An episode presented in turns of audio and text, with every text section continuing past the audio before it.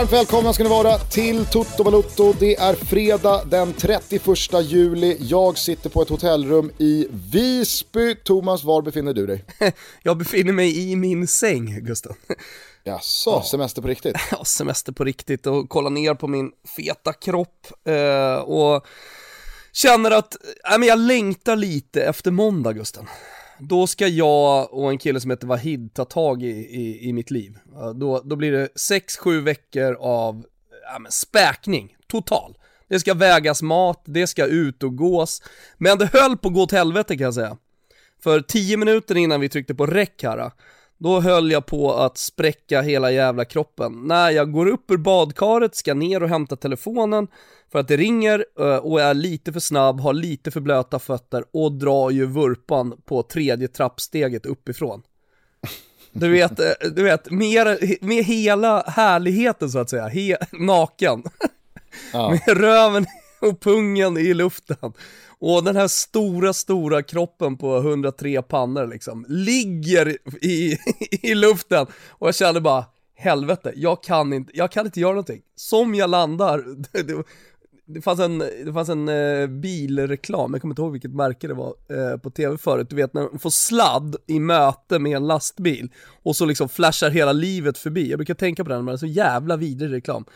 Eh, men, men det upplevde jag jag såg liksom lilla Wilbur på fotbollskamp i, i, i, Tälje, i Södertälje. När du, när, du ljög, när du ljög om hur många gånger du hade hattat bollen och skickade in din bild till eh, Busterklubben. Ja men, ja men du vet, eh, Gotia Cup, 16-dels eh, eh, Nicky Jonsson slänger in två mål, jag skickar hem honom, men nu, nu är det karma liksom, nu får jag tillbaka det här. Allt skit flashade, man har gjort i livet. Flashade offsiden mot Bayern München förbi? Ja, ja, ja. Den flashade definitivt förbi.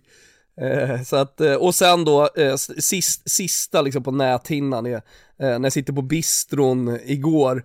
Först kommer Djurgårdens förra materialare, Matte Lundholm, eh, Jimmy Durmas är där, Charbel Toma trillar in, alltså det, det är Anel Avdic från Expressen, alltså bistron i Rönninge är ju liksom, det är ju metropolen i Stockholm, folk pratar om Stureplan. Det är, det är på bistron i Rönninge, man ska, det är liksom sista minnena, så log jag ändå lite precis innan jag liksom landade och halvt spräckte svanskotan och bröt, halvt bröt armen, så jag ligger här blöder, fortfarande naken i sängen, när, när, det är ingen trevlig syn detta Gusten, det är ingen trevlig syn. Men det är ingenting som stoppar dig i alla fall från att göra ett fredagstoto? Nej, verkligen inte. Jag tänker att det är ju eh, lite så Blåvitt eh, nog ligger idag. Alltså man är lite tilltufsade, man är blåslagna, man kanske inte är den vackraste eh, tuppen i, i hönsgården, men man ligger där som en kung ändå efter att ha vunnit Svenska Cupen. Alltså, så oförtjänt rent sportsligt som många av de här matcherna har avgjorts. Alltså, minns bara Elfsborg i semin, jag tycker finalen igår, det är ju Visst, det, det, kanske inte är 25 stycken högkaratiga målchanser Malmö bara radar upp och på något sätt lyckas bränna från, från tre meter. Men Ingen hade, ju, ingen hade ju kunnat säga att det hade varit orättvist ifall Malmö hade vunnit efter 90 minuter igår. Nej, och det är ju så fotbollen är liksom och det är därför det ska bli så jävla kul med Champions League-slutspelet, 12 dagar enkelmöten för att allting kan hända, det finns möjligheter för alla. Precis som under ett mästerskap liksom där Colombia kan gå långt, eller Kamerun kan gå långt, eller Grekland kan gå hela jävla vägen i ett EM och vinna. Eh, det är ju så med 90 minuters matcher liksom. En match, det går alltid att, det går, det går alltid att, att flaxa sig eh, till en seger. Så att, eh, men jag, jag säger inte att det var flax igår. Men, men... Nej, alltså, no pun intended, min liknelse kanske haltar lite. Det jag i alla fall menade var att det, det går att ligga som en vinnare naken i sin säng och le åt att man till slut came out on top, även fast man kanske inte har varit eh, störst, bäst och vackrast i alla matcher.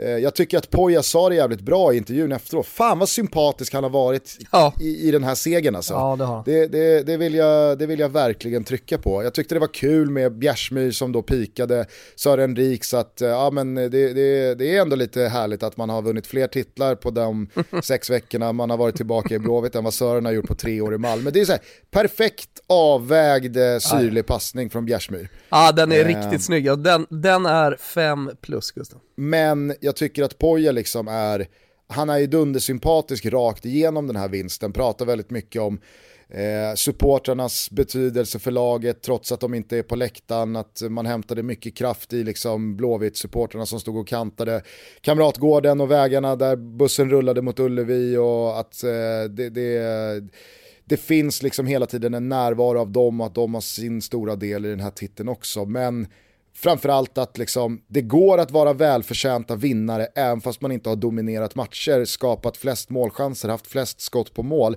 Utan ibland så är man jävligt välförtjänt av att vinna för att man har varit det laget som har krigat mest och bäst. Och det tycker jag fan Blåvitt ska ha. Det, det, har inte varit jättevackert, men som de har kavlat upp ärmarna och bara kört. Är de Grekland 2004 eller?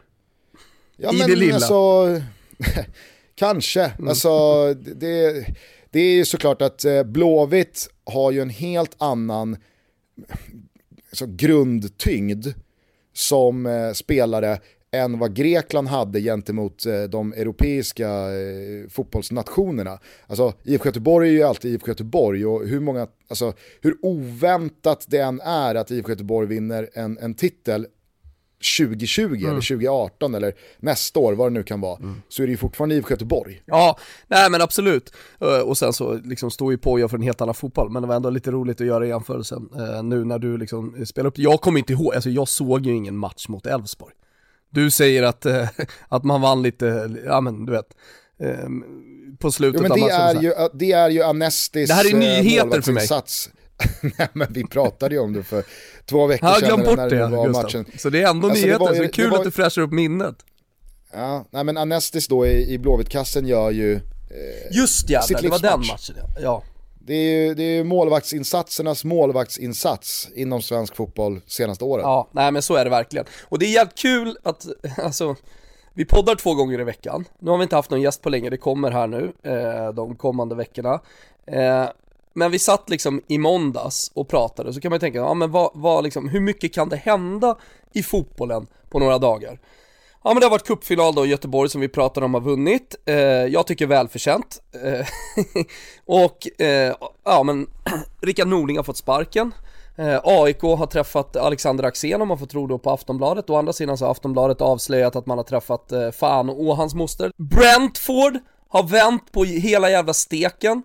Och eh, jag snackade med Ponne i, var det igår? Ja, igår. Eh, pratade lite Facetime eh, med honom och han har ju såklart då hört, eh, uppmärksammat att eh, vi räknade bort Brentford eh, och han menar, ah, lyssna, nej det gjorde vi inte, Brentford. men han hörde vårat surr. Alla som lyssnar på det här hörde också. Det är alltså, jag behöver liksom inte upprepa. Men, det som var kul, det var att det faktiskt, på riktigt Gusten, funkade som tändvätska för honom i den här returmatchen mot Swansea. Ja men det var tändvätska, nu ska inte jag försöka härma hans skånska, men han sa det. Vilket gör mig glad, så jag tänkte säga det. Det finns inte en chans Pony! Att ni åker till Wembley och går till Premier League. Inte en suck! Hör du det eller? Så. Mitrovic kommer eh, latcha upp Ponne på läktaren. Jajamensan, det blir att tjacka korv på Wembleys eh, läktare. Eh, så är det. Nej, men det, att, det, att det händer så mycket under så, eh, alltså under så få dagar. Ja, vi har AIK, vi har Brentan och vi har cupfinal. Och däremellan så har ju Dejan Kulusevski spelat grym fotboll igen. Och Zlatan har varit fantastisk. Och min spaning då är ju att Zlatan ser exakt likadan ut som han gjorde i PSG.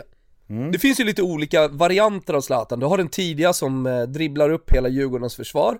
Eh, du har eh, Zlatan som har fått på sig 10 kilo muskler i Juventus som, som blir mer av en eh, anfallare men fortfarande snabb, fortfarande kan utmana.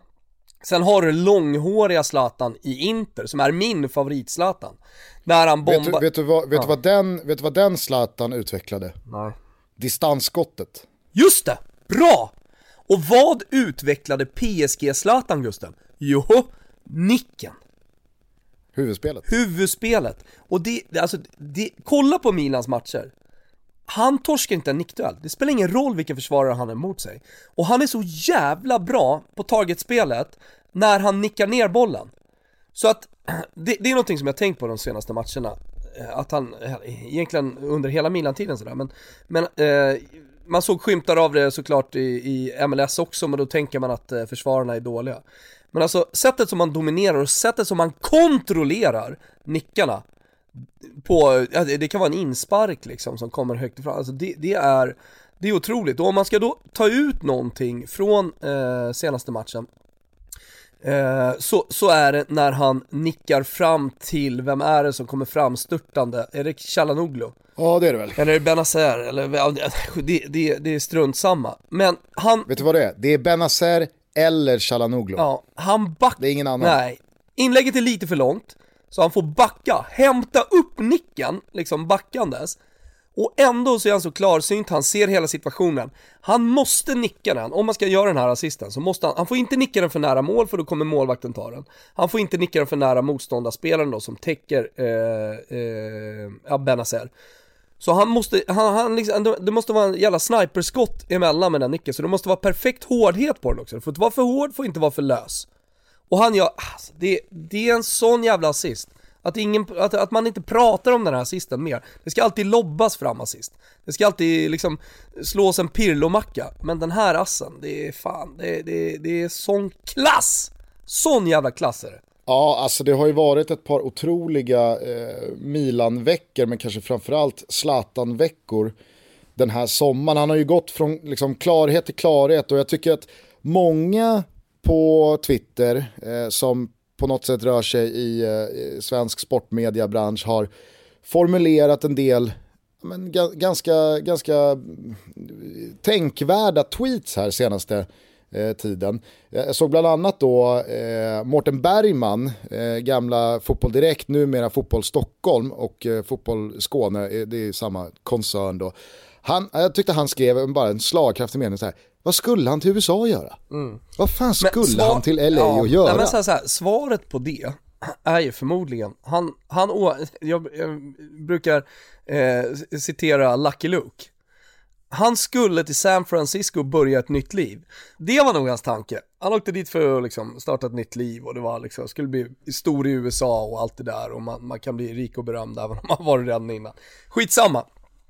Men det, det, det blev av med MLS och därför MLS var viktigt, det var att han fick rehabba sig efter den svåra skadan i en miljö som för honom var perfekt, tror jag.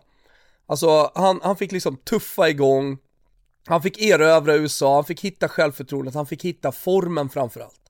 Och så när han kommer till Milan, då är han ju fortfarande MLS-Zlatan. Och man också komma ihåg att när han spelar de första matcherna i Milan, då har han inte lirat sen vad är det, oktober, november, november någonstans där, när MLS tog mm. slut. Och dessutom då komma från en liga med väldigt lågt tempo. Så det är imponerande att han kommer tillbaka som 38-åring efter knäskadan i MLS. Det är imponerande. Det är imponerande att han kommer till Milan och börjar hitta formen. Men så kommer coronan, framförallt så kommer skadan, vadskadan. Så när han är tillbaka från vadskadan, när, när, när eh, uppehållet, eh, coronauppehållet är slut, då är det en ganska tung Zlatan som inleder. Och eh, om jag ska vara ärlig, inte jättebra. Men det som har hänt då under de här veckorna, det är att han så snabbt har hittat tillbaka till formen, alltså den fysiska formen, till matchtempot. Så det är synd på ett sätt att Serie A är slut nu, för han har, han har fortfarande två växlar till att komma upp. Och det är, det är det jag tror att han själv känner. Jag är riktigt bra nu, men jag kan ännu bättre. Och mm. således kommer han ju såklart skriva på för han vill, han vill liksom få ut det maxet en gång till. Det är, det, det är väl det lite man söker som fotbollsspelare hela tiden, liksom, att nå, nå sitt max och känna och det, det, det, det är han jävligt bra på. På tal om eh, Max då, det blir en väldigt snygg övergång, så hämtar jag nästa tweet då från SVT Sports eh, Max Bursell. Stolta Max över... Bursell. Den övergången var inte dålig. Nej, nej. Eh, han twittrade för eh, bara eh, några timmar sedan, eh, eller sent i, igår, så skrev han då, man ska inte ta ut något i förskott, men den här teorin ser ut att åldras ganska väl. Och då hänvisar han till sin egen tweet för två veckor sedan. Såklart. Där han då skriver, teori om Zlatans nya plan, fas 1, kolon. Kritisera ägare och ledning till en punkt där de längtar tills han är borta. Fas 2, dominera på planen och flirta med supporterna till en mm. punkt där det trots allt blir omöjligt att inte erbjuda honom en förlängning. Fas 3, Los Scudetto 2021. Alltså, det, det, det, är såklart att jag inte tror att Zlatan går ut på en plan och spelar fotboll på något annat än eh, sin, sin, sin bästa förmåga. Ehm, men det finns ju någonting i en sån där teori eh, som ändå kittlar mig när jag tänker att ja, är det någon som kan vara så uttänkt och studerande och liksom nu, jag vet vad jag säger och eftersom jag säger det här så kommer det kräva av mig att jag levererar på en sån jävla nivå och gör sån skillnad att de, ingen kan vifta bort det jag säger för att det jag gör ute på plan är för bra. Så mm. är det ju Zlatan. Vi är som alltid sponsrade av våra vänner på Betsson och till helgen så är det en ny Toto-trippel som ska jobbas in. För sista gången säsongen 1920 så har du hittat ett spel i Serie A. Ja, det blir det. Och sen så är vi snart tillbaka. Det är det som är så jävla skönt. Att i september då börjar ligan igen, så det blir kort uppehåll. Eh, däremellan, jag ska bara säga det Gusten innan vi kommer in på spelen. Däremellan så har vi ju liksom allsvenskan rullar på och Champions League. Så tripplarna rullar liksom på. Eh, jag... Och fina, fina Europa League. Ja, herregud. Sen vet jag inte hur fin fin den är, men slutspelet är i alla fall fint. Ja, Milan, det är väl ingen som har liksom missat hur bra de går och även om de inte har chansen på femteplatsen och således går rätt in i gruppspelet i Europa League så, så är det ju ett Milan som bara kör nu. Alltså de, de kommer liksom inte stanna och samtidigt så möter de ett utcheckat lag så att man vinner med två mål, eller mer. Mm. Zlatan eh, tror jag nog är ganska sugen på att nå tvåsiffrigt då. Ja, alltså han är väl alltid sugen på att göra mål höll jag på att säga. Nej men jag tror också att det är någon slags här, markering inför nästa säsong att göra en bra avslutning, tror inte du det? Att man liksom vill, ja ah, men nu avslutar riktigt snyggt, kolla här kommer vi, och sen kommer de ju eh, snacka om scudetton nästa år oavsett liksom vilka man värvar och sådär. Så att eh, nej, det, det blir dubbel, eh, dubbelseger höll jag på att säga, men två målseger. Milan att vinna med minst två mål hemma mot Cagliari. Vi följer upp det med fa Cup-finalen på lördag kväll. Då är det Arsenal mot Chelsea. Vi tror på över 2,5 mål. Det här är två lag som är bättre på att anfalla än på att försvara. ja, definitivt. Eh, över 2,5. Den sitter som en smäck. Och så avslutar vi på söndagen när Hammarby som har gnisslat igång ett segertåg igen åker till Olympia och Helsingborg och hämtar tre pinnar mot Olof Mellbergs minst sagt eh, vinklippta och skadeskjutna gäng. Ja, nej men exakt, du säger vinklippt, eh, skadeskjutet, det är såklart med i analysen, men det finns någonting i Hammarby tycker jag. Eh, som man har sett den senaste, de senaste par matcherna liksom som, ja men det är på gång. Man är på väg att få igång nyckelspelare och sådär. Så att, eh, nej, jag tror, jag tror jättestarkt på Hammarby. Den här trippen hittar ni som alltid under godbitar och boostade odds på Betsson. i ryggen med 148 kronor. Skicka in ryggen i hashtag Toto-trippen så jobbar vi in den här tillsammans under helgen. Tänk på att du måste vara 18 år fyllda för att vara med och rygga den här trippen. Och upplever du att du eller någon i din närhet har problem med spel så finns stödlinjen.se alltid öppen. Vet du vad du och jag gör Thomas? Nej. Vi säger stort tack till Betsson för att de är med och möjliggör Toto Balutto. Alltid. Vi är sponsrade av Sniff, eh, där koden Toto ger dig 25% på första månaden, men vi kan väl berätta vad Sniff är för någonting Gusten? Ja, det är en eh, prenumerationstjänst som eh, hjälper dig att optimera hur du doftar i ditt liv. För Sniff har ju fattat grejen att man kan inte jämt gå runt och lukta likadant eftersom att livet består av så många olika sammanhang, tillfällen, ambianser och platser. Så att Sniff har utvecklat en eh, en tjänst som är anpassat efter detta. Ja, nej men det är ju så, Gusten, nu har ju du och jag testat Sniff ett tag. Eh, faktum är att igår så ramlade ytterligare en doft in och så nu har jag då fyra stycken som står bredvid varandra. Så när jag åker på träning med mina tjejer, då har jag en lite sportigare doft som jag tycker, lite muskigare sådär. När jag ska gå på fest, då har jag en lite, lite blommigare som, eh, ja men du vet, man blir lite glad av den. Och sen när, när jag och Helena går på romantisk dejt, då tar jag fram den, eh, den citrusdoftande parfymen som är liksom så fräsch bara, så man känner sig extra sommarfräsch. Och det är kul att ha eh, flera olika. Precis, testa det här ni också. På sniff.com kan man eh, landa den eh, kollektionen som passar just dig bäst. Och eh, nu kanske folk tänker att det är eh, sniff som i eh, FF, men det är ju PH. Viktigt när man skriver in adressen. Tänk Lena PH, tänk eh, Anders Anderssons pojkrum, vad som hängde på de väggarna. Det är alltså sniff.com, sniph.com, koden TOTO ger er 25% rabatt på första månaden. Vi säger stort tack till Sniff för att ni är med och möjliggör Toto Balotto och gör livet lite mer väldoftande. Ja, stort tack till Sniff. Grazie mille. Nu när vi är inne på att citera Gusten och jag tänker på Max Bushells tweet och det du säger. Då tänker jag på Ru Rubin Carter, vet du om det är? Eh, absolut, The Hurricane. Exakt. Otro, otrolig film otroligt livsöde, alltså det är, det är en film... Denzel Washington med en 5 plus-insats, mm. eh, tonsatt av Bob Dylan. Exakt, eh, och Rubin Carter, han är ju en riktig boxare och eh, i den här filmen så skildras hans livsöde. Mm. Så att eh, det, det är ju som en spelfilmsdoku i stort sett. Då. Jag var, sjukt nog, så på någon sån här eh, föreläsning eh, för säljare på den tiden när jag jobbade som säljare och någon slags inspiration då eh, med Rubin Carter som hade kommit till Sverige för att föreläsa. Och grejen du har alltså med... träffat The Hurricane? Yes, jag har träffat The Hurricane.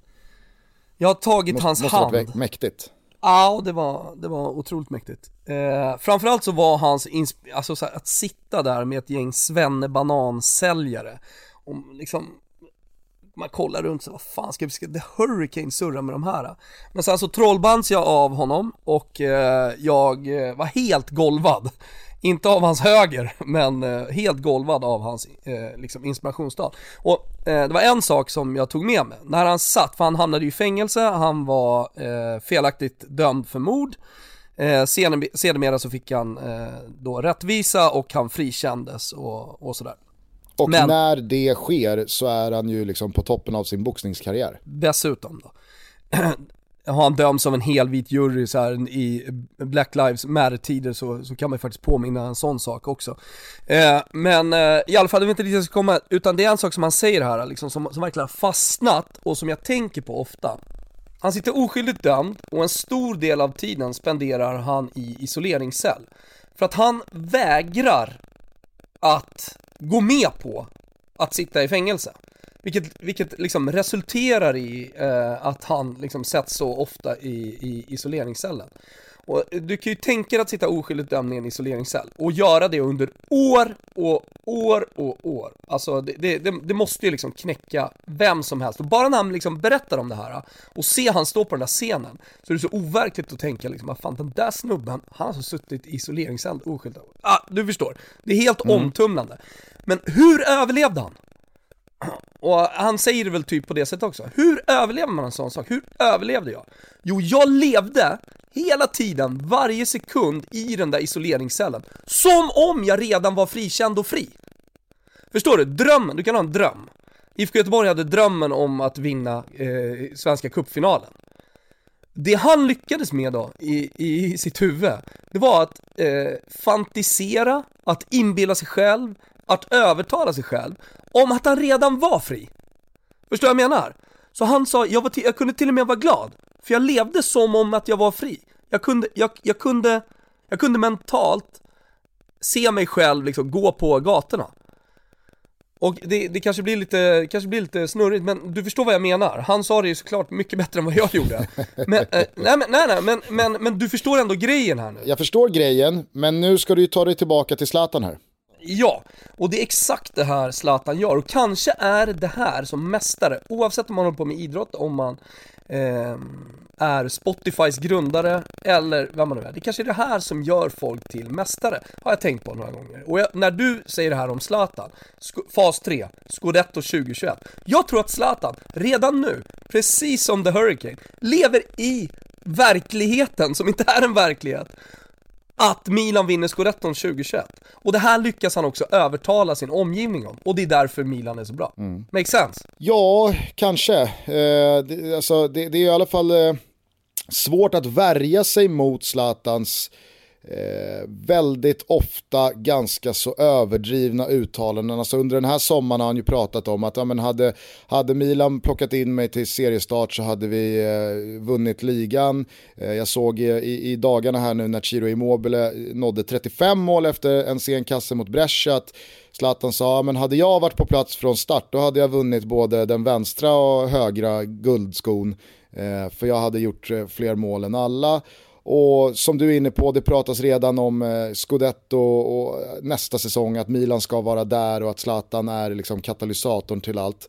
Och jag minns ju på tal om de här LA-åren, då var ju de här eh, Lions don't compare themselves to humans eh, citaten och jag, jag, är en, eh, jag, jag, är mer en superhjälte och en korsning mellan en, en eh, eh ett lejon och en frälsare än vad jag är någonting. alltså du vet, allt det blev ju bara det blev ju bara löjligt för att den sportsliga motprestationen parallellt inte matchade att man pratar om sig själv som gud eller, alltså du kommer ihåg när han, eh, när han lämnade United eller i samband med det, när han, när han twittrar ut någon bild där han liksom kör någon high five med djävulen och alltså, det, det, var liksom så här. Nej men det, det du säger är att det, det, måste jacka i med enorma sportsliga prestationer. Exakt, och nu är vi ju där igen, där Zlatans käft går och det är stora ord, större än eh, varandra om vartannat, men det är parallellt med det en spelare som krossar Serie A. Ja, eh, alltså definitivt. Och då finns och då, det kanske några då, som har invändningar Gusten om att uh, man möter lag som är utcheckade som kanske inte har motivationen som Sampdoria till exempel. Uh, men men det, det, kan man såklart inte göra för det är ingen annan som gör de där grejerna som Zlatan gör. Nej, nej, precis. Alltså, det, det, det, är väl fritt fram för alla då att göra fem mål var per match, om man nu är sugen på det. Precis. Jag tror, att jag hänga den där nicken och nicka den perfekt, där... det är fritt fram för alla. Exakt jag tror, inte, jag tror inte jättemånga spelare springer runt på den här planen och tänker ah, det där hade jag ju såklart kunnat göra bättre men jag, um, jag, jag vill inte. Tror du att Chiro Immobile lever som om han redan har gjort 37 mål? Eller tror du att han darrar? Alltså Chiro Immobile upplever ju just nu det jag upplevde sista veckorna under Fantasy Premier League.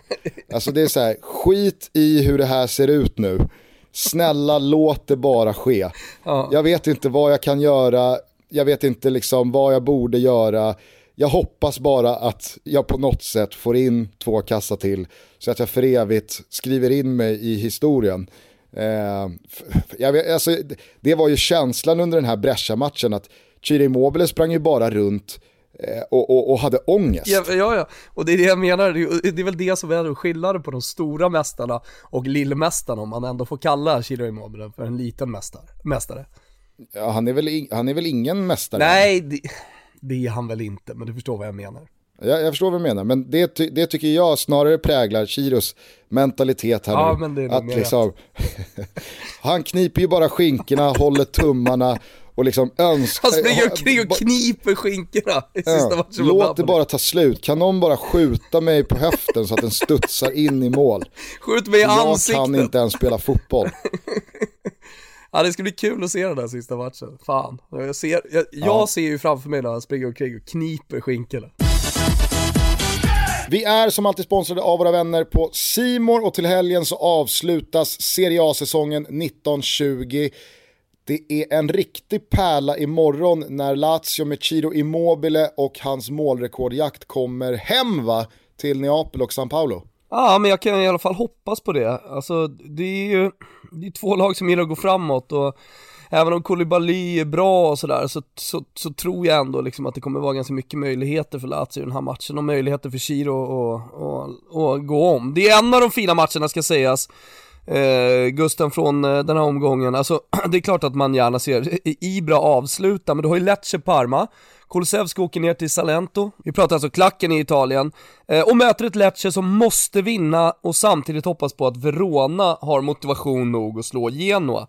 Så att det, alltså det, det är en sista omgång som lever, och det tycker jag är kul. Ja, och jag menar Hellas har väl absolut kunnande att slå ett riktigt, riktigt dåligt Genoa. Ja, och det är lite samma med, alltså man hör Ivan Juric, tränaren, eh, snacka, det är lite samma med med dem som med Milan, att fan de är på väg att göra, inte en rekordsäsong, men en sån här riktigt bra säsong och då spelar alla poäng in. För att någonstans så blir det ändå lite historiskt för ett, eh, för ett, eh, ja men, ett lag som pendlar mellan Serie A och Serie B, de här poängen man tar, och då kan man blicka tillbaka. Så att, alltså, jag är ganska övertygad om att, eh, att Verona åker för att, för att slå igenom, Sen så ska också sägas, finns det ett ett eh, systerskap, ett tvillingskap mellan supporterna i Sampdoria och Hellas. Eh, så att man har i stan liksom peppat, peppat igång laget för att man vill se Genoa åka ur. Ja, spännande. Dessutom Juventus-Roma, Zlatan jagar nya mål mot Cagliari. Ja, det finns hur mycket som helst att följa i den här sista omgången. Dessutom en eh, riktig pärla är ju att man får tjuvkika på nästa säsongs tröjor. Exakt, som man, många lag spelar i. Inte alla, men många. Ni ser hela sista omgången av Serie A på Simors kanaler. Vi säger stort tack till Simor för att ni är med och möjliggör Toto Balotto. Tack, tack. När ni hör det här så återstår det bara timmar av vår tävling som vi gör tillsammans med våra vänner på Pepsi. Vi har ju under juli månad tävlat i eh, pricksäkerhetsskills i hashtag TotoPepsi. Mm. Nu ska du och jag Thomas eh, gå igenom alla bidrag och så återkommer vi någon gång nästa vecka eller så med de fem vinnarna som alltså lägger vantarna på en officiell Champions League-boll var. Ja men exakt, eh, och det är många fina bidrag, det ska bli jäkligt kul. Eh, och stort tack till alla som har varit med och passa på då att ta de här sista timmarna och vara med i tävlingen för du har fortfarande chans att vinna. Men du, eh, det var ju en hel del saker du eh, benämnde där i inledningen av det här samtalet, vad som har hänt i veckan. Mm. Mycket speciella saker. Jag vill bara berätta en otrolig anekdot från i måndags då, på tal om Ponne. Okej. Okay. Och den här anekdoten säger väl kanske mest om vem Mattias Ragge Ranege är. Eh, mer än någonting annat. Ja, men jag såg att eh, ni, ni träffades någonstans nere vid Stureplan. As a person with a very deep voice, I'm hired all the time for advertising campaigns. But a deep voice doesn't sell B2B, and advertising on the wrong platform doesn't sell B2B either. That's why if you're a B2B marketer, you should use LinkedIn ads. LinkedIn has the targeting capabilities to help you reach the world's largest professional audience. That's right, over 70 million decision makers all in one place. All the big wigs, then medium wigs, also small wigs who are on the path to becoming big wigs. Okay, that's enough about wigs. LinkedIn ads allows you to focus on getting your B2B message to the right people. So, does that mean you should use ads on LinkedIn instead of hiring me, the man with the deepest voice in the world? Yes. Yes, it does. Get started today and see why LinkedIn is the place to be to be. We'll even give you a $100 credit on your next campaign. Go to linkedin.com slash results to claim your credit. That's linkedin.com slash results. Terms and conditions apply. Du, Fribben, Ragge och eh, Danne Larsson. Och eh, jag fick också faktiskt eh, ett meddelande från Danne och frågade om jag skulle komma förbi. Men det, men, men, men eh, det, måste, det måste ha varit en otrolig sittning det där. Ja, det var en otrolig sittning och så stod stjärnorna så pass rätt då att solen sken och det var jättefint väder och jag hade dagen innan eh, vunnit eh, både Fantasy Premier League och lite pengar så att jag, jag var på gott humör, jag skulle åka till, till Gotland dagen efter med Rebecca ja, men det var bara liksom så här, det, var, det var perfekta förutsättningar för en trevlig kväll. Du, det var inte, tog inte eh. många sekunder innan eh, Wilburs eh, röding swishades. Nej, den, den, den kom snabbt mycket föredömligt. Mm. Vad har det sagt? Svanemars fick man, eh, Svanemars fick man driva in. Solna-tattet vet du, där, där, får man jobba. Han, han, han, han, han sitter ju och tänker, hur kan jag komma undan den här på något jävla sätt? ja, hur som helst så är det en, det är en långpanna på, på Prinsen och sen så hamnar vi på Glashuset eh, på Strandvägen. Okej, okay. eh, aldrig varit Supertrevlig restaurang och eh, jättegod mat. Det, det, det, ska, det ska de ha. Då var det runt under fötterna? Ja, men det var ganska runt under fötterna. På, mer på vissa håll än på andra. Oavsett vad. Mot slutet av den här middagssittningen så ansluter det en kompis till en annan kille i sällskapet och han har i sin tur med sig en polare till honom. En kille som liksom ingen känner. Eh, den här killen skulle jag liksom med, med mitt ögonmått säga mäter in på 1,93, 1,95 kanske. Eh, det är en uppenbarelse. Absolut. Eh, atletisk, eh, det, det, finns också en, eh, en rödlätt ton i eh, hans eh, utseende och eh, han är ja, men ganska liksom, in, inte, inte bullrig och, och, och stökig men precis som Ponne så, så, finns det liksom, han tar plats och det, det finns ett tryck i rösten. Mm. Eh, han hamnar då på eh, andra sidan bordet, mitt emot Ragge, men det är då några meter emellan. Och så är det ju liksom, klockan är väl 11 på kvällen så det, det, är ganska eh, eh dunkelt eh, ljus och det, det, finns ett par enheter innanför Jag tror jag vet var det här är på väg, men fortsätt. Ja. Ja, men då, då får ju Erik Friberg då en, en, en snilleblixt och tänker undra om, undra om Ragge har så dålig bild av Ponne att jag kan få honom att tro att det här är Ponne. Okej. Så e Erik, Erik tar den här kintsidan och så säger han bara så här, kan du bara liksom på, på ganska Spela med. kraftig skånska säga Ragge? Okej. Så efter en, en timme liksom, som den här eh, killen har varit med i sällskapet, då, då, då skrider Friberg till verket med sin plan då. Och säger bara, men alltså Ragge, hur, hur kan du liksom inte ha, hur kan du inte ha hälsat ordentligt på ponnen?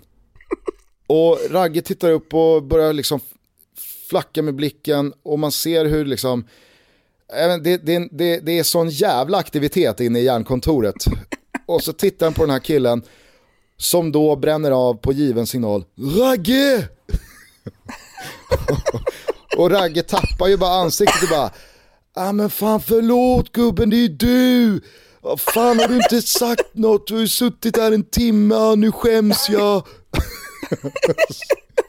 Så han kör liksom pannan i bordet och tror att här har Ponne suttit med vid bordet en timme och det har liksom inte Ragge märkt. De, de har spelat i samma lag och alltså, du vet, de har varit i landslaget tillsammans. Och, men ändå så tittar Ragge på den här killen och bara, ja, vad fan det är ju du Ponne. Tills då vi andra bara eh, brister ut i, i gapskratt och inte kan ja, hålla men det oss. Kan väl inte, ja. eh, och då fattar Ragge att han har blivit lurad och då ser han väl, eh, hoppas jag, att det inte var Ponne. Uh. Men uh, det, var, det, var, det var otroliga sekunder. Fina, vet du vad som är fint här? Den fina välkalibrerade Ragge! Ragge! Ragge! Så jävla sanslöst Polaren gör ju alltså. ett bra jobb, Polarns polare gör ju ett bra jobb här, det, det får man ju fan tillstå alltså. Ja, verkligen. Eh, mm. nej, men det var en väldigt trevlig kväll och eh, jag är, jag vet inte om det framgick där när du pratade om, om Brentfords vändning mot Swansea. Jag är också väldigt glad för Ponnes skull och härligt då att vi kunde hjälpa till med lite tändvätska. Ja, och den här drömmen vi pratade om tidigare, den ska vi inte prata så mycket om för att nu känner jag att jag är på väg att jinxa, men, men drömmen lever i alla fall. Leeds är redan där, hans polare är redan där och han har möjligheten att 90 minuter, eller hur Gusten? Det är ju en final detta. Det är en final. När spelas den? Eh, den spelas väl på söndag va? Oj, oj, oj, oj. Så, bänkad. Jag, jag skulle ju kolla på Fiorentina, som började 21.30. Den här matchen började 19.45, har jag för mig. Ja. Hur som helst, det var 45 minuter emellan så vi hade börjat kolla och så säger han nu måste jag koppla över för nu ska vi kolla på Fiorentina till Stella. Eh, och då säger hon NEJ! Hon ville bara se eh, Ponne. Ja. Som var helt såld på, på Brentford. Så nu blir, nu blir Brentford-tröja, eh, då får vi vänta då till nästa års tröja kommer. Om det blir en Premier League-tröja eller en Championship-tröja, det, det återstår att se. Det var ju såklart men, en, en eh, blunder med, med det där klackförsöket, men eh, han hämtar ju hem det på tilläggstid när han är sån bjässe i luften på sista hörnan. Ja, jag skrev det på Twitter, han var 12 meter lång och 4 meter bred. Han var så jävla stor, den där bollen, den skulle bara bort. Var, var mäktigt och, och sen som jag sa till honom, fan på du är en artist, du ska ju klacka i ett sånt delikat läge. Det är så man ja, gör om man är artist liksom. Jag får eh, pudla angående finalen, den spelas på tisdag. Sorry, bra. 20.45 svensk tid, Brentford mot Fulham på Wembley, en plats i Premier League i potten. Ponne Mitrovic! Ja, vilken match i matchen. Pinni! Hörru du, jag känner bara att jag inte riktigt är klar med utfallet av Svenska Cupen-finalen. Så Nej, om, okay. om, du, om du inte har någonting emot så, så skulle jag också vilja prata om den andra Den andra eh, delen av eh, ja, det här resultatet, nämligen Malmö FF som då inte vinner kuppen Eh, heller den här gången.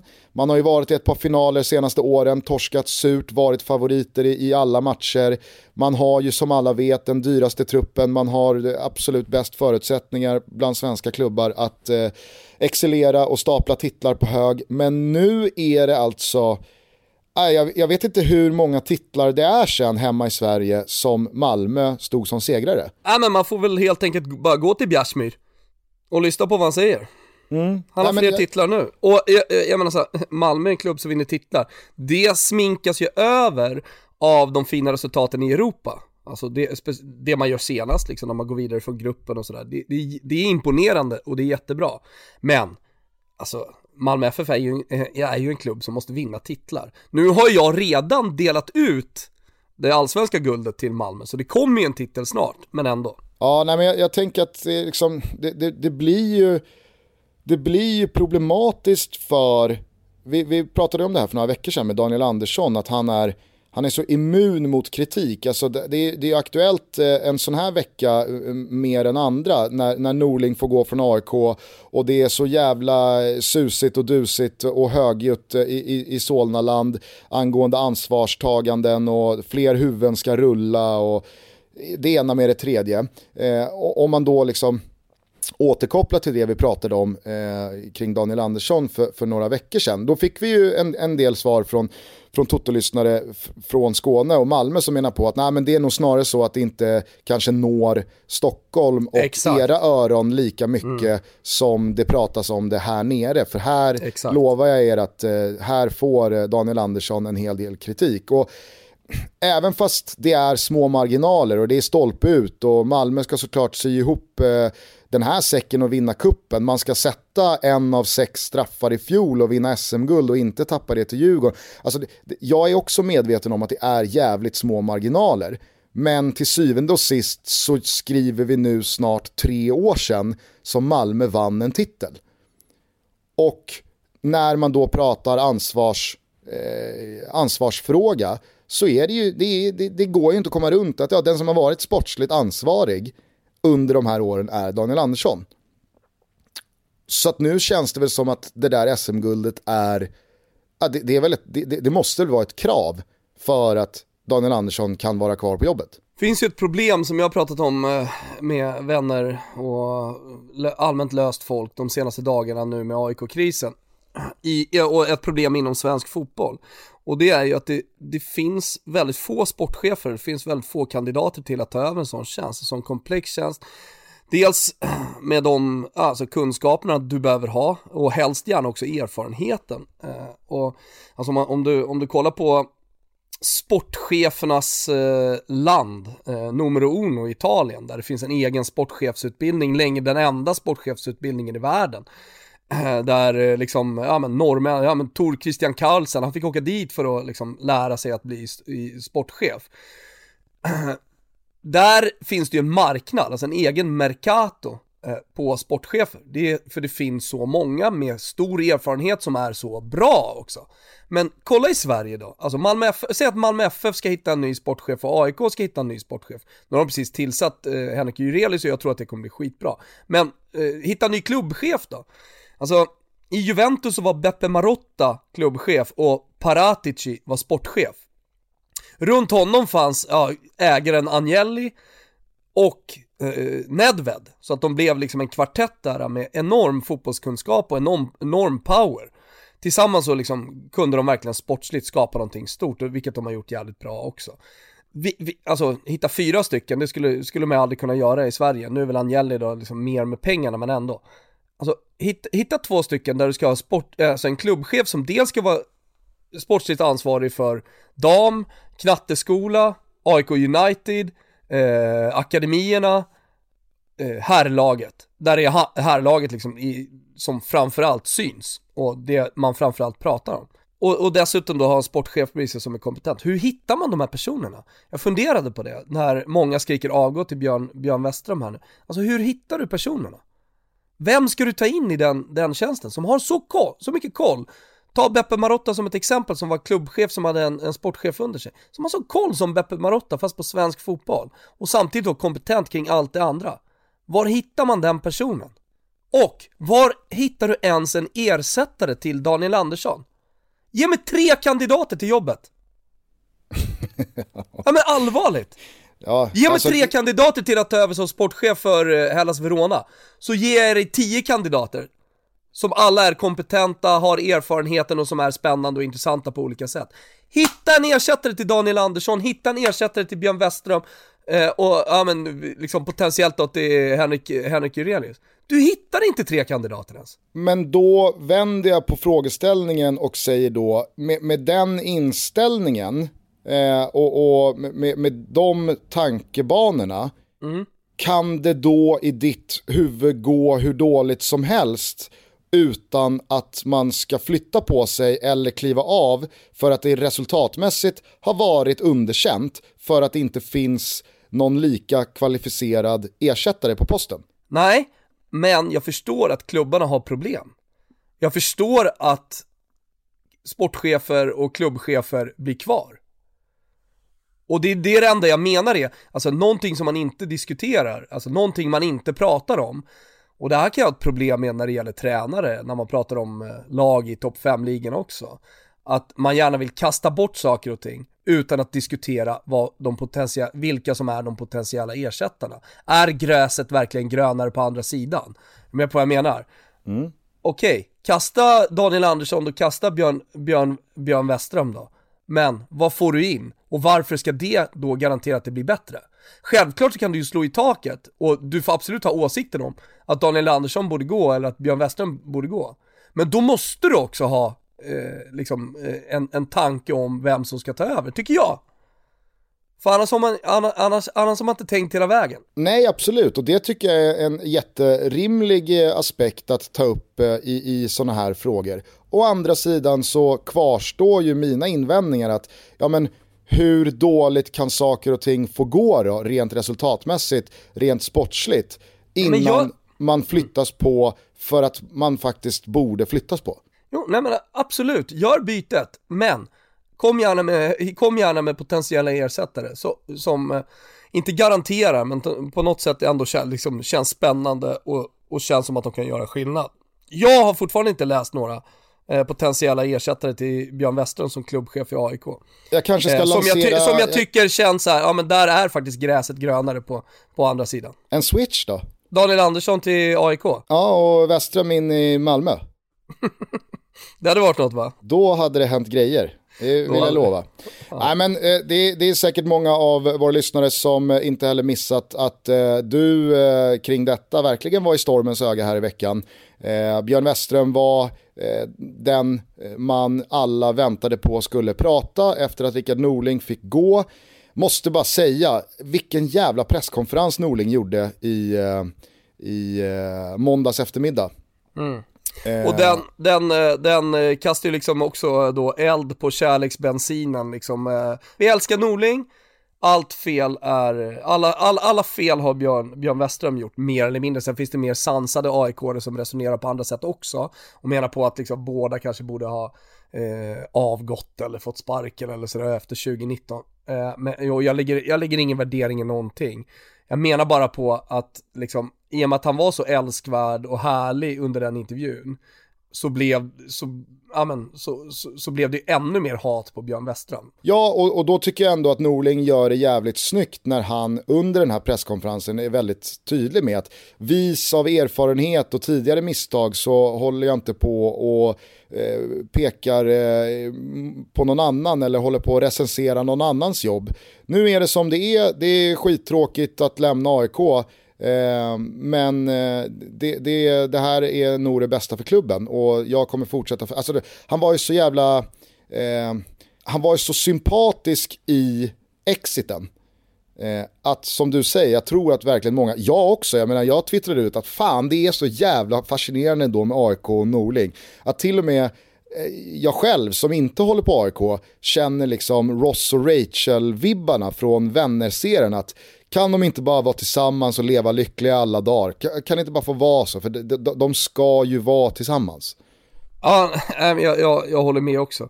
Eh, sen måste jag faktiskt säga någonting efter den här intervjun som jag gör då med Björn Westerholm och de reaktioner ja, för det var, som kommer. Mm. Det var bara dit jag skulle komma, att då väntade ju alla på att Björn Westerholm skulle snacka. Det blev eh, ganska tidigt eh, tydligt att Westerholm kommer göra en intervju, den kommer göra i, i Sportlibs eh, Follow Us AIK-kanal och den kommer göras av dig. Eh, alltså, hur, hur var den här upplevelsen? Ja, men Alltså för det första ska man ju reda ut lite saker, eh, att eh, det är ju AIKs egen kanal. Follow us AIK, eh, Sportlib, eller Follow us AIK, intäkterna delas mellan Sportlib och AIK, så man kan säga att AIK är delägare i den här kanalen. Jag är, jag är, en, frila, jag är en frilansare som har tagits in för att göra liksom, Studio AIK och göra intervjuer med folk inom AIK. Det är liksom, det är så det ser ut. På kvällen på tisdagen så ringer Petson mig som är grundare av Sportlib och säger att eh, imorgon ska vi göra en intervju med Björn Westström. Eller ska du göra en intervju med Björn Westström klockan 07.30. Så jag, eh, jag hinner mer eller mindre bara gå och lägga mig, gå upp, åka dit eh, och Sportlib har liksom inga resurser så att det, det, det, finns inget redaktörskap liksom här utan mer eller mindre så sätter jag med Björn Westström utan, utan förberedelse och jag säger det också, eh, det här får bli ett samtal men det viktiga för mig är att du svarar på alla frågor. Eh, och, och Björn säger du får ställa vilka frågor du vill liksom, så att det finns ingenting tillrättalagt. Sen om eventuellt någon saknar en fråga eller tycker att jag är för mjäkig, ja då får man tycka att det var eh, dåligt utfört. Men, men det som jag stör mig på i reaktionerna efter, det är att folk säger att jag liksom inte ställde, alltså så här, du ställde fel frågor. Men återigen, utan, när jag ställde tillbaka eh, och så här, men vilka frågor skulle jag ha ställt då?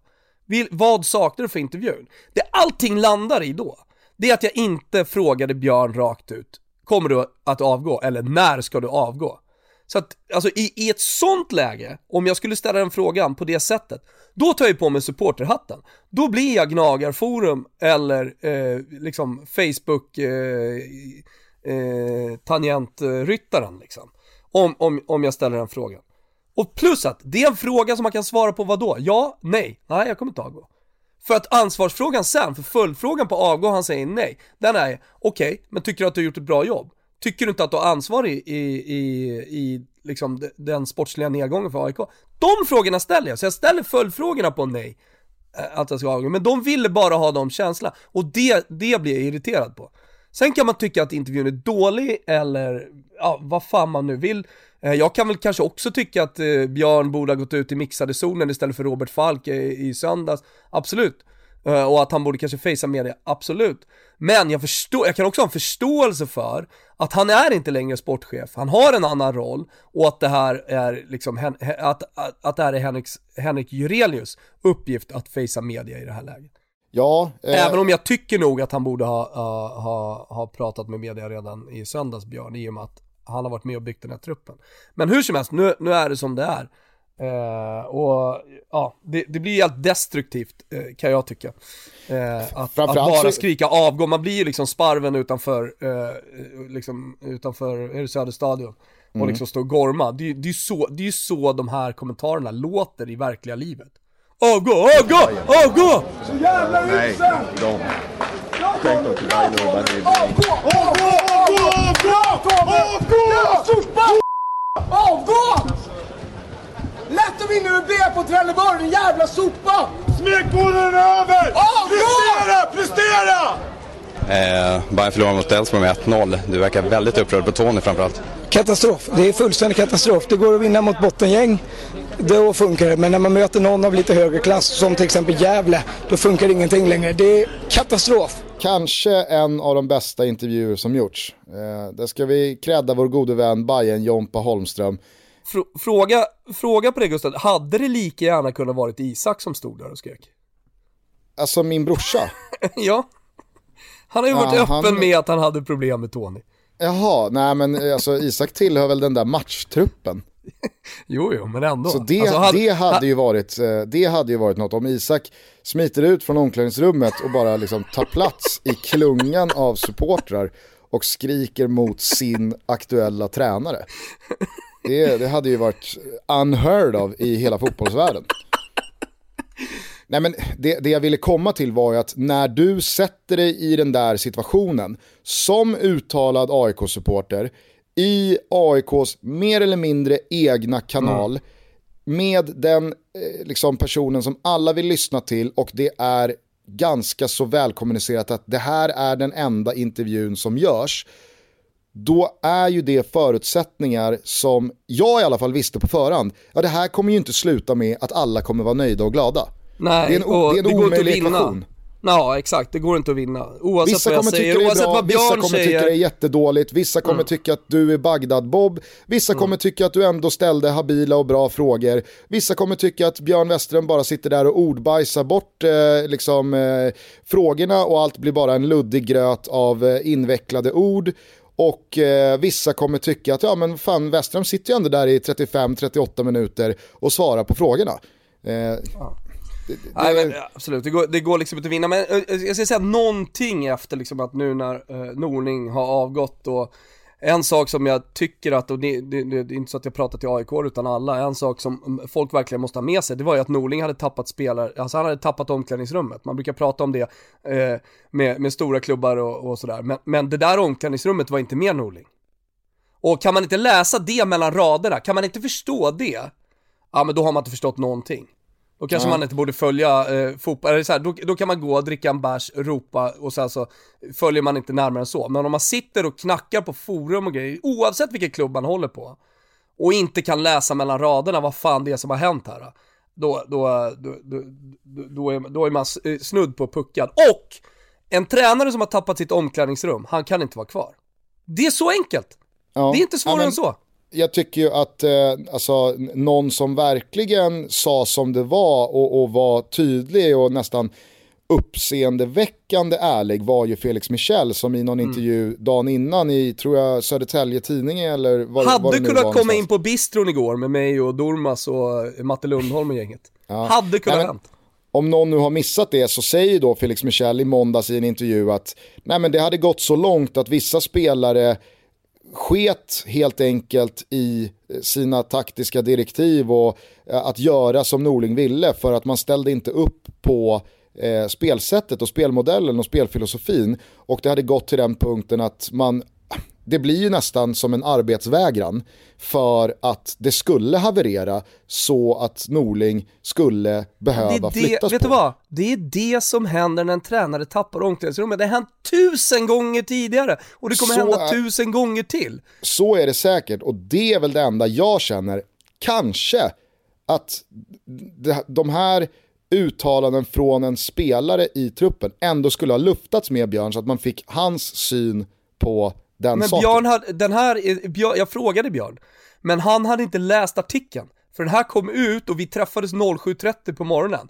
Han sa, jag hörde att Michel har varit ute men jag har inte läst, jag har satt in mig i den. Plus att inte han, alltså så här, det är klart att han, det är hans jobb också liksom och han måste sätta sig in i det. Men, men han hade inte gjort det så att jag, jag tog det med honom. Men det fanns ingenting att säga. Nej. Är du med? Alltså, jag tyckte ändå det var, det var, ju så, det var ju så pass anmärkningsvärt sagt av Felix Michel. Och det mm. var ju heller ingen intervju på 32 000 tecken. Så att, alltså, kan ju tycka att Björn Westström, när han ska göra en intervju i ett sånt här känsligt skede, mm. ändå kan skumma igenom åtta fråga-svar med Felix Michel. Ja. Fast vet du vad, eh, det är också så här, ja det kan man tycka, men de dagarna som Björn Westerholm har, har, har levt det här de senaste dagarna, det finns detaljer i det här också som jag inte kan, kan prata om, som, som gör spe, spe, eh, omständigheterna väldigt speciella. Det, då, då, alltså så här, hade du, hade, du först, hade du vetat det jag vet så hade, så hade du inte tyckt att det var konstigt. Så behöver jag inte säga så jävla mycket mer om det. Det man i alla fall får eh, uppmärksamma då, om, om, om, eh, om det är som du säger att intervjun gjordes 07.30, det är att han sitter inne på en ruskigt lojal barberare som alltså måste ha tänt lampan vid, vid 04.30. Ja, det är, en, det är en tight frilla han äh, landar han ramlar in i.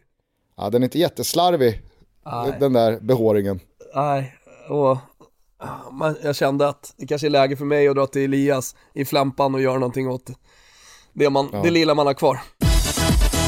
Eh, ba, bara kring det här så, så blossade det upp en, en ganska hetsk, eh, kanske inte ren ordväxling, men i alla fall eh, en, en, en, en, en fade på, på Twitter mellan dig mm -hmm. och, och, och Laul här i dagarna. Är, är det någonting du vill kommentera eller ska Ska eh, domare Dalin återigen bjuda in generalen till en sittning på Kungstensgatan och så kan ni tala ut i samma rum. Vet, vet du vad? Du får, göra, du får göra vad du vill. Om du vill att Laul kommer, då får du, då får du jättegärna bjuda in honom. Eh, men det var ingen fade, utan det var jag som eh, gick på Laul för att jag tycke, tyckte att han hade uttryckt sig eh, på ett vidrigt sätt. Och det, det tycker jag också att man, man får säga om en kollega. Mm. Alltså, eh, det, det, det, det, står jag verkligen fast vid. Det som hände var att jag skrev det där och sen så messade Laul mig efter. Eh, om någonting som inte hade med tweeten att göra för att markera sin närvaro. Och ja, men det tyckte jag var lite roligt. Eh, så då messade vi fram och tillbaka kring den här intervjun med Björn Westström. Som han sedermera skrev, som mycket rätt också, eh, gjordes av en supporter i AIKs egna kanaler. Ja, då har du fått känt på hur det är att vara Bagdad-Bob också. Ja, fan. Du blir erfarenheter rikare för varje år som går. jag blir det, eller hur? Mm. Eh, har du någonting mer på hjärtat eller ska vi börja klappa ihop butiken, se fram emot en fotbollsfylld helg återigen? Alltså, vi pratar fa Cup-final, vi pratar sista omgången i Serie A, det är allsvenskan, det är superettan, det är, det är fullt ställ hela sommaren. Det är fullt ställ hela sommaren och eh, är det någonting som jag följer med ganska stor glädje faktiskt Gusten, så är det Inters, eh, jag vet inte vad det är, men eh, intresse kanske för Leo Messi och eh, La Gazzetta dello Sports liksom, stora passion att skriva om Leo Messi till, eh, till Inter. Det är alltså tredje dagen det är första sidan med Messi till Inter i Italien. Och alla vet att det kommer ju inte att hända. Ja, men det, det, som har snackats om är väl att Inter är redo när Messis kontrakt går ut, alltså det kontraktet han sitter på just nu. Sen är väl jag också medveten om att Barca säkerligen för ganska långt gångna förhandlingar om en förlängning eh, nere i Katalonien. Eh, men hans kontrakt nu, om inget annat har skrivits på bakom lyckta dörrar, går ju ut i, i juni nästa år. Och att mm. Inter då ska stå redo med eh, 65 miljoner euro brutto per år. Ja, men exakt det, är, det, är en, det är en saftig lön alltså. Det får, man, får man ändå säga. Men hänger det här ihop med eh, då som du skrev om va, att eh, eh, kinesisk media eh, hade marknadsfört Inter Napoli med en bild på Messi? Med en bild på domen där Messi är upprojicerad. Ja. Ja, alltså har det med det här att göra? Eller hade någon alltså, tryckfelsnisse varit framme? alltså du, du får ju tolka det precis som du vill Gusten, precis som alla gör. Alltså var det där liksom en blinkning? Var det där en dröm? Eller var det där bara ett dåligt sätt att marknadsföra en fotbollsmatch som Messi inte har någonting att göra med? Så att det, det, är, väl, det är väl upp till betraktaren att, eh, att eh, analysera eh, precis, som man, precis som man vill. Eller var det bara ytterligare ett exempel på hur långt kvar Kina har innan de blir en fotbollskraft som tror, är med och konkurrerar. Jag tror ju snarare på det. Jag tror snarare på det. Ja, det är väl rimligt att anta. Eh, hörni, vi hörs igen på måndag. Då blir det måndagstutto som vanligt. Sen så kommer vi eh, skruva upp eh, intresset eh, och eh, temperaturen kring då återstarten av Champions League. Det är ju ett på åttondelsfinalsreturer som ska spelas innan åtta gäng kuskar ner till Portugal och Lissabon för att göra upp om eh, bucklan med de stora öronen. Så att eh, Toto rullar vidare. Jajamensan, vi rullar på. Det blir en rolig augusti hörni. Stort tack för att ni lyssnade och alla som håller på IFK Göteborg. På måndag, då gör vi Never Forget med Glenn Hysén i fokus. Så ratta in Spotify mm. och lyssna på historien om de sex getingarna. Nu avslutar vi med eh, Bob Dylans fantastiska låt The Hurricane. Vi eh, ägnar Rubin Carter återigen en eh, tanke och vi säger grattis till IFK Göteborg, vinnare av Svenska Kuppen 2020. Och grattis Malmö FF till allsvenska guldet och till Milan! Som redan lever i verkligheten att man har vunnit Los Scudetto 2021 med Zlatan som skyttekung. Och såklart trist för Ciro Immobile att det stannade på 35. Tack för att ni lyssnade hörni. Ciao. Ciao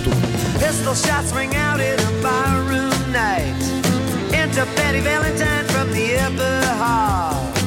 She sees a bartender in a pool of blood. Cries out, my God, they've killed them all. Comes the story of the hurricane. The man the authorities came to